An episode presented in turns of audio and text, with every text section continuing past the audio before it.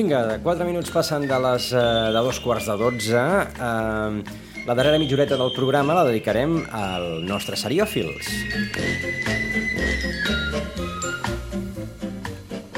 Comencem la temporada només amb en Camil.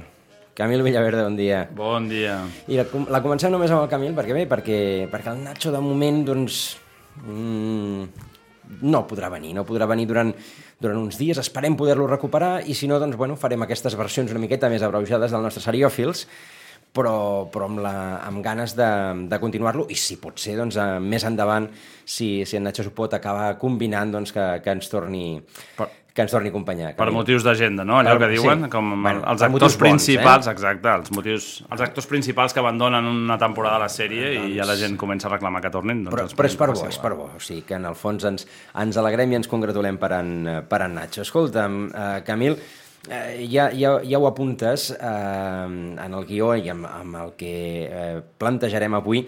Bàsicament, eh, ja arribem a aquests seriòfils, diguem, amb, amb tota la carn a la graella, no? Ah, exacte, les plataformes... El setembre tradicionalment és un mes, no?, on les plataformes aposten per, per posar tota la carn a la graella i portar, diguéssim, les sèries més, més ambicioses i, i així ha estat, no?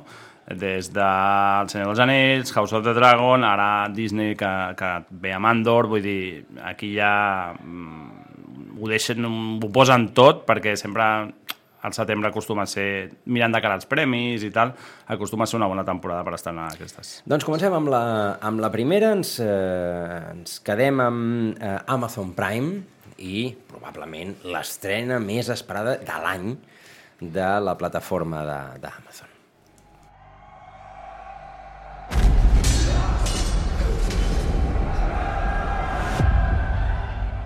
Mi hermano dio su vida persiguiendo al enemigo. Su tarea ahora es mía.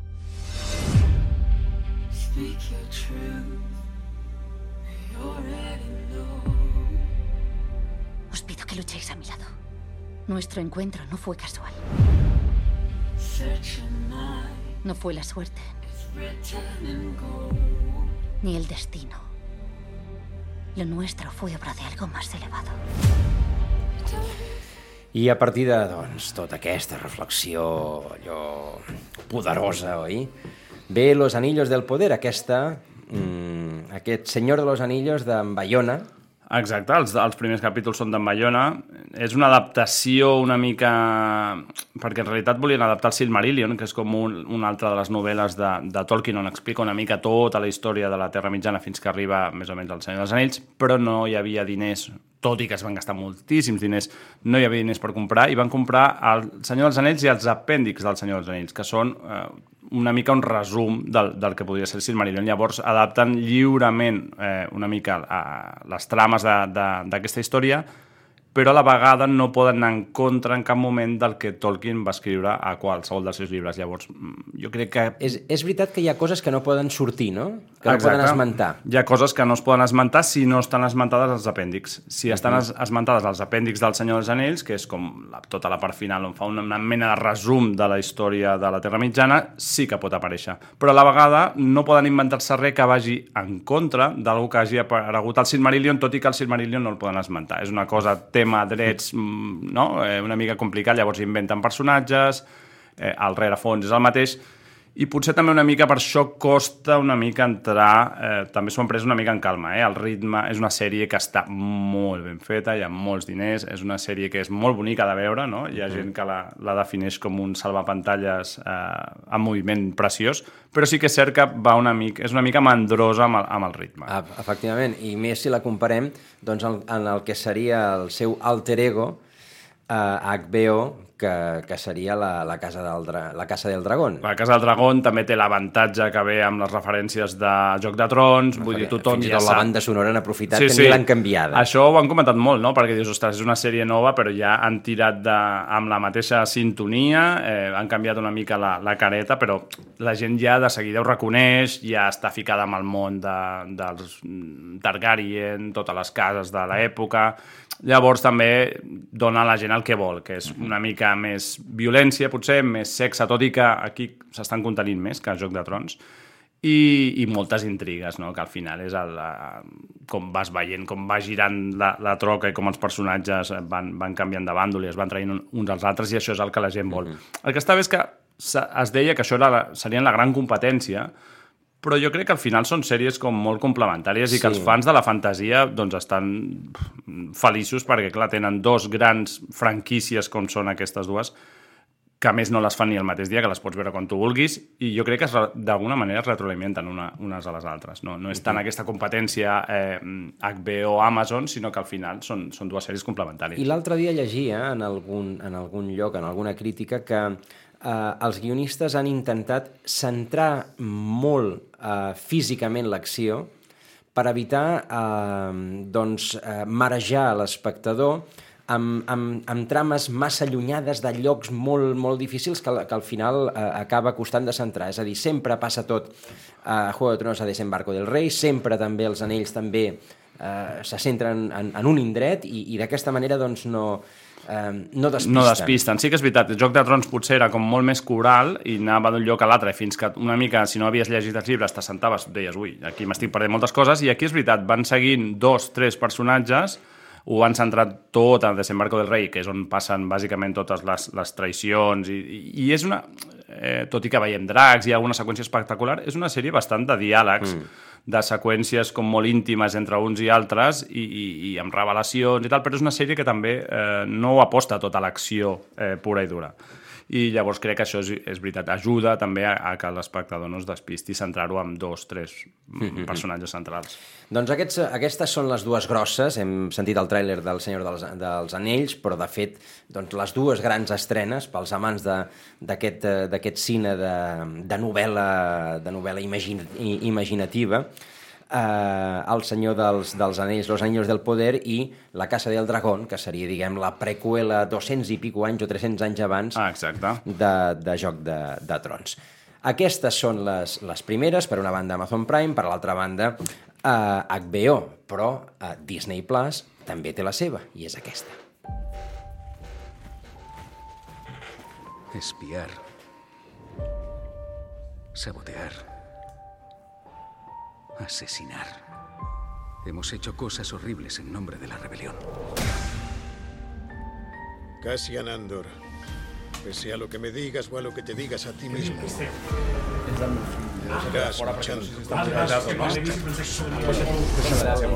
¿No preferirías darlo todo de golpe por algo real? I Cassian Andor, que és el protagonista d'aquesta nova franquícia, o sigui, nova, nou membre de la franquícia de sèries al voltant de l'univers de Star Wars. Que a més és, està bé, ara estava sentint el tràiler i ja sentint les primeres notes ja et fiques eh, molt a dins de, del que és l'univers de Star Wars, no? A més, eh, crec que això ho han aconseguit, de seguida, de seguida tens tot l'imaginari, no? I Andor és, eh, diguéssim, com la preqüela mm, de la pel·lícula Rogue One, que és una de les pel·lícules que es van estrenar eh, que no és ben bé, diguéssim, no segueix la línia de Star Wars, però és una mica paral·lela, i eh, és la història, és la preqüela d'aquest Cassian Andor, que interpreta el Diego Luna, que és com un membre de la resistència contra l'imperi que es dedica doncs, a fer una mica el que diríem d'espia. I és una sèrie que, que bueno, he vist els tre... van penjar els tres primers capítols, he vist els dos primers i, i a diferència potser de, de les que van venir després de Mandalorian, eh, Boba Fett i Obi-Wan, que potser no van acabar de, de, de satisfer ni el nou públic ni els fans, aquesta jo crec que sí. És una sèrie com, també com Rogue One molt diferent, més fosca, potser més, més bruta, eh, més adulta potser, i jo crec que a veure, a veure com la desenvolupen, però hi ha bastantes esperances en que sigui una de les, de les grans sèries de, de, de Disney en, en l'univers Star Wars. Correcte, sortint, sortint diguem, de, de l'espectacularitat de, del Mandalorian, però sense, sense perdre aquesta, aquesta atracció de, de, de les trames que, que envolten, que sempre, sempre estan relacionades amb, amb la trama principal de la història, encara que doncs, no formen part de la, de la línia de les, de les nou pel·lícules Ah, originals. exacte. De fet, Rogue One el que explicava era una mica com aconseguien els planos per després a Star Wars com atacaven la- la- l'estrella de la muerte. No? era, doncs era com aconseguien, com aquests planos arribaven fins a la resistència. I és això, com tracten aquestes trames que no són directament relacionades, però sí que sí que ens porten al, a l'arbre principal de, de Star Wars. Uh -huh. uh, amb una sèrie d'actors mm, magnífics, uh, també hi ha l'Stellan Skarsgård, eh, bueno, una sèrie d'actors eh, que funcionen tots molt bé, i jo crec que, que bueno, a veure si després de Mandalorian eh, Disney torna a pillar-li la volta a aquestes sèries ambientades amb, amb l'univers de Star Wars. Vinga, i no hem parlat encara de Netflix. Doncs bé, Netflix també té la seva part de la partida aquest mes de setembre. Les properes dues eh, sèries de les que parlarem fan referència a aquesta plataforma. This is what we're up against. This is how everyone sees him. As some kind of philanthropist out to save the kids of the valley. Terry Silver. Why are you guys named Michael? It's Michaela. Whatever. I washed my hands at Cobra Kai when we lost the tournament. I'm not a sensei anymore. Doncs qui ho ha escoltat ja ho sap. Cobra Kai, que arriba a la Chita Callando a la cinquena temporada. Qui ho hagués dit quan van estrenar la primera a YouTube mm, Red, aquesta, aquella plataforma que va intentar llançar YouTube, que arribarien a la cinquena i a més a Netflix i a més amb, amb molt èxit, no? Aquesta espècie de, no sé si dir-li seqüela de, de Karate Kid, que torna a explicar una mica les històries dels personatges de Karate Kid 20-30 anys després a, al mateix, al mateix, a la mateixa vall.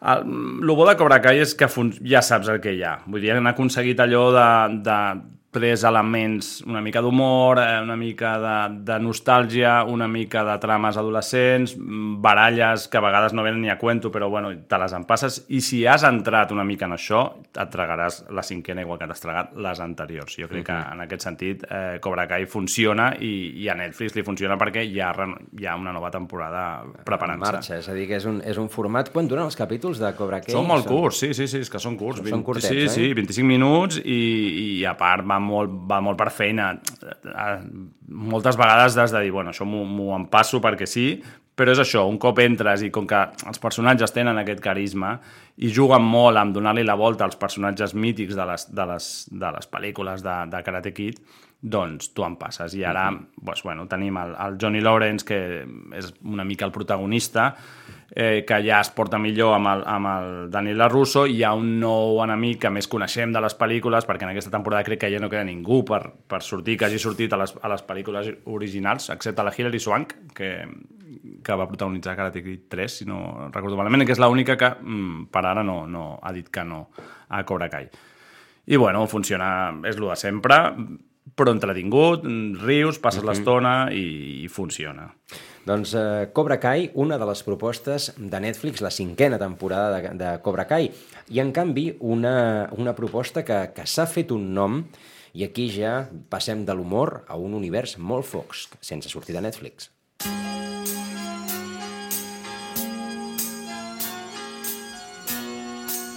Here we are. Home sweet home.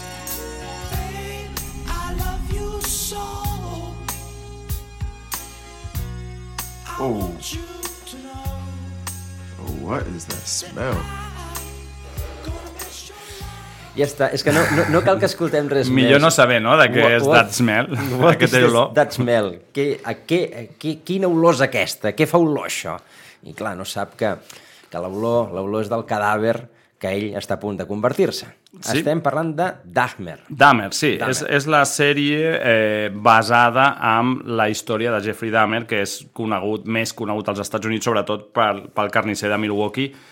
Estats Units, a la cultura pop, és com una icona perquè és potser el, un dels serial killers més coneguts i, i, i- i més truculents de, de la història criminal nord-americana. I eh, ve amb una sèrie que ha fet el, el Ryan Murphy, que jo aconsello que la gent que sigui una mica delicada o que a la que hi hagi una mica amb el rotllo mm, desconnecta, no comenci a mirar aquesta sèrie, perquè és una sèrie molt incòmoda de, de, de veure, perquè té escenes bastant dures, tot i que no són molt explícites, deixa com molt, molt mal cos eh, amb la història d'aquest home que es dedicava a matar eh, homosexuals a la dècada dels 80 i, a més, després els guardava i se'ls menjava i fins i tot els feia menjar a la gent eh, que el rodejaven. Una mica així, Aníbal va ser una, una, un dels, dels personatges que van inspirar Aníbal, eh, o sigui, amb això ja, ja, ja està tot dit. I és una sèrie que és molt curiós perquè Netflix no ha fet cap tipus de promoció, però cap, i s'ha convertit en la tercera millor estrena en, en els primers eh, cinc dies de la, de la plataforma. Després de Stranger Things i de La Casa de Papel, doncs Dahmer és la gran estrena eh, a, la, a la primera setmana d'una sèrie de Tio, Netflix. això és que la boca orella funciona... Funciona i també, clar, eh, hi ha el tema aquest, que és una sèrie de Ryan Murphy. Recordem, Netflix va signar fa mm, any i mig, un o dos anys, un, diguéssim, un contracte amb Ryan Murphy on li pagaven 300 milions de dòlars per produir eh, eh, sèries per la seva companyia. Ryan Murphy, recordem, ha fet Glee, American eh, Horror Story, Nip Tuck, és un, no? és, hi ha una marca dins de les sèries i el tema és que Ryan Murphy, d'alguna manera, eh, va rebre els diners, va començar a fer sèries per Netflix, que moltes no, no, no han funcionat gens, però agafant-se la lletra petita del contracte ha seguit col·laborant com si res amb altres, eh, amb altres plataformes. Llavors Netflix, que pensava que era com un actiu eh, únic, eh, Ryan Murphy, ha vist que continua fent sèries amb altres i, i clar, no està massa contenta. Llavors crec que per això diuen que no han promocionat gens aquesta sèrie i, irònicament, s'ha convertit en un dels grans eh, èxits de, de, de Netflix i un èxit per Ryan Murphy que feia temps que no acabava de donar amb, amb, amb l'èxit com a mínim comercial. Mm -hmm. Vinga, i ja que estem eh, ficats en mals rotllos, continuem amb mals rotllos. Ara, eh, en un que ens porta, diguem, a la ficció espanyola. Movistar Plus. ¿Has visto las noticias? Sí. Pues va en serio, muy en serio. Escúchame. Para en una gasolinera lo primero, llena el depósito y todos los bidones que puedas. Compra toda la comida no perecedera que quepa en el maletero. Y velas, y pilas. El peor escenario es apagón total y efecto en cascada, ¿es correcto? Me dices que pare comercio, colegios, hospitales, industria. Esto es así. Podemos perderlo casi todo y tardar años en recuperarlos. I a partir d'aquí, l'apagón. Apagón, la nova sèrie de Movistar Plus. És una sèrie que si, que si la feien fa sis anys, deien, bueno, vale, eh, sí, no? És, és una sèrie que parteix d'un punt de partida que hi ha un, una tempesta solar, hi ha un gran eh, apagón, diguéssim, a, a tot Espanya, i llavors tot el caos que es, surt des d'aquí. Però clar, després de la pandèmia, les, la guerra d'Ucraïna, el tema de l'energia... Clar, toca d'una altra manera aquesta sèrie. I és una sèrie que són cinc històries fetes per cinc guionistes diferents i dirigides per cinc, guioni, eh, per cinc directors eh, de cinema, Sorogoyen, Raúl Arevalo, Isaac Cuesta, Isabel Peña i Alberto Rodríguez, que són uns noms eh, tops en quant a la direcció de, de cinema espanyol, que, eh, diguéssim, aborden cinc aspectes diferents del que podria passar després de- d'un gran apagón i de tot el caos que, que vindria amb això. Des d'una infermera o una doctora a un hospital que veu com a la salvavides no hi ha llum, no hi ha, no hi ha medicaments, etc etc, fins a algú que està al camp i veu com la gent de la ciutat comença a venir eh, buscant com sobreviure. I és una sèrie també, doncs... Sí, al mateix punt de partida i cinc històries Ah, in, independents entre elles. Em recorda aquella sèrie francesa, no sé si es deia el, el, el col·lapso... Ah, sí, El col·lapse. El col·lapse, no? Sí. Doncs és una mica amb aquesta línia de, de què passaria, no? un what if, si hi hagués una, una crisi eh, d'aquesta magnitud. Mhm. I com la veuen els diferents guionistes, els diferents directors. Uh -huh. Doncs eh, aquesta proposta, diguem, eh, de, de, de postpandèmica, de catàstrofe, que ens presenta Movistar Plus. Apagón, que a més eh, S'estrena demà. avui? Ah, no, demà, sí, sí, sí, demà, demà. S'estrena demà, per tant, encara avui no vagin, si no, demà ja la poden, ja la poden veure. I vinga, va, que en tenim temps per, la, per les dues eh, darreres. La primera, els agrada la cuina? Doncs una proposta a Nova York relacionada amb el món de la cuina que ens presenta Disney+. Plus. 25 pounds? No, no, no, I ordered 200. Where's beef? You still got that meat connect? You get 12.50 for that on eBay. Boom. You cut vegetables like a bitch. Now system, system, baby. System. System. This is your brother's house. I was running it fine without you. Why didn't he leave it to you then?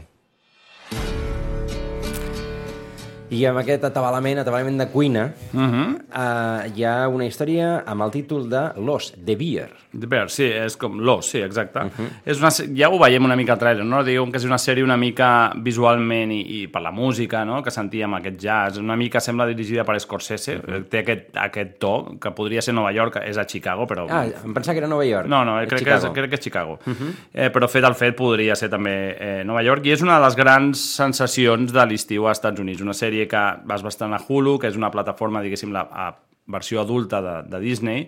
Eh, no és gaire mainstream, però la sèrie ha estat com potser la més elevada per la crítica d'aquests darrers mesos. I és una sèrie, de, el punt de partida és un, és un gran xef mm, que torna a, a casa perquè ha heretat un, el restaurant familiar, que el restaurant és un lloc d'entrepans, eh, sense més ni menys, i com ell li vol donar doncs, la volta. I a la vegada, clar, tots els conflictes familiars, eh, evidentment soterrats, que hi havia quan, quan ell va marxar. Tot i que ho aborda des d'un punt de vista, diguéssim, de, de comèdia, o tragicomèdia, si més no, uh -huh.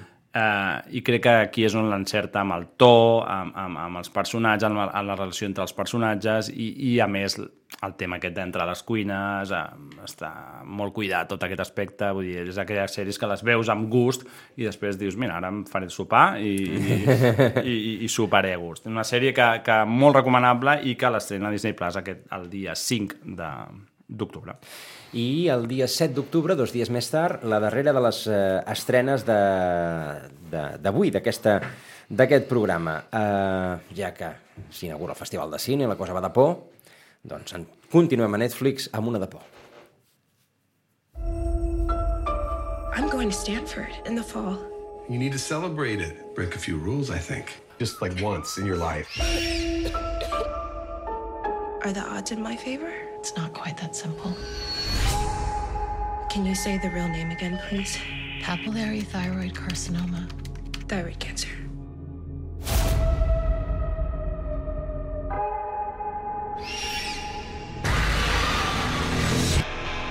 I'm Dr. Georgina Stanton. Welcome to Brightcliff. I, el, i aquí el, el problema ja no és que la noia li diagnostiquen un càncer, sinó on la porten.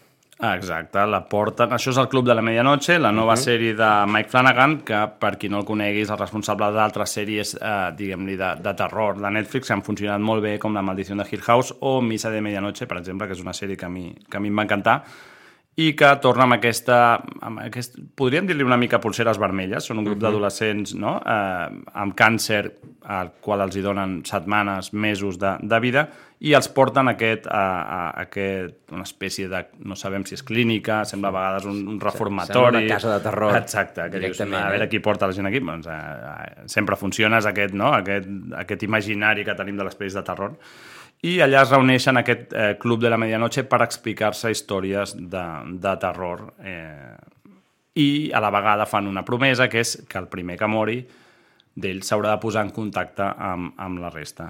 Clar, amb totes aquestes premisses ja podem suposar cap on aniran les coses, però eh, tractant-se de Mike Flanagan, que sempre, en aquest sentit, té un punt d'originalitat, sempre li dona una mica la volta als, als codis més coneguts de, del cinema de terror, doncs hi ha de, esperances en què, en què sigui una sèrie que, que funcioni. Protagonitzada per adolescents, no són coneguts, però un vot de confiança pel, pel senyor Flanagan, que se'l mereix.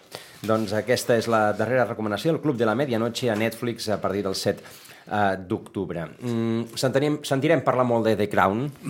Sí, sí, clar, la Molt. sèrie que ha pujat 800% als Estats Units el vision, els visionats de The Crown després de la mort de d'Isabel, per si no en vam tenir prou en tota la setmana de l'enterro potser més llarg de la història. Doncs, doncs espera't al novembre quan estrenin la temporada de la mort de la Lady Di. Exacte, que a més era curiós, eh? van rodar el dia, eh, la mort de la Lady Di, la havien de rodar a Barcelona, precisament, eh, el mateix dia que va morir la reina Isabel sí. i van suspendre el rodatge durant dos o tres dies per, no, per respecte una mica a, a, a la mort de la, de la reina.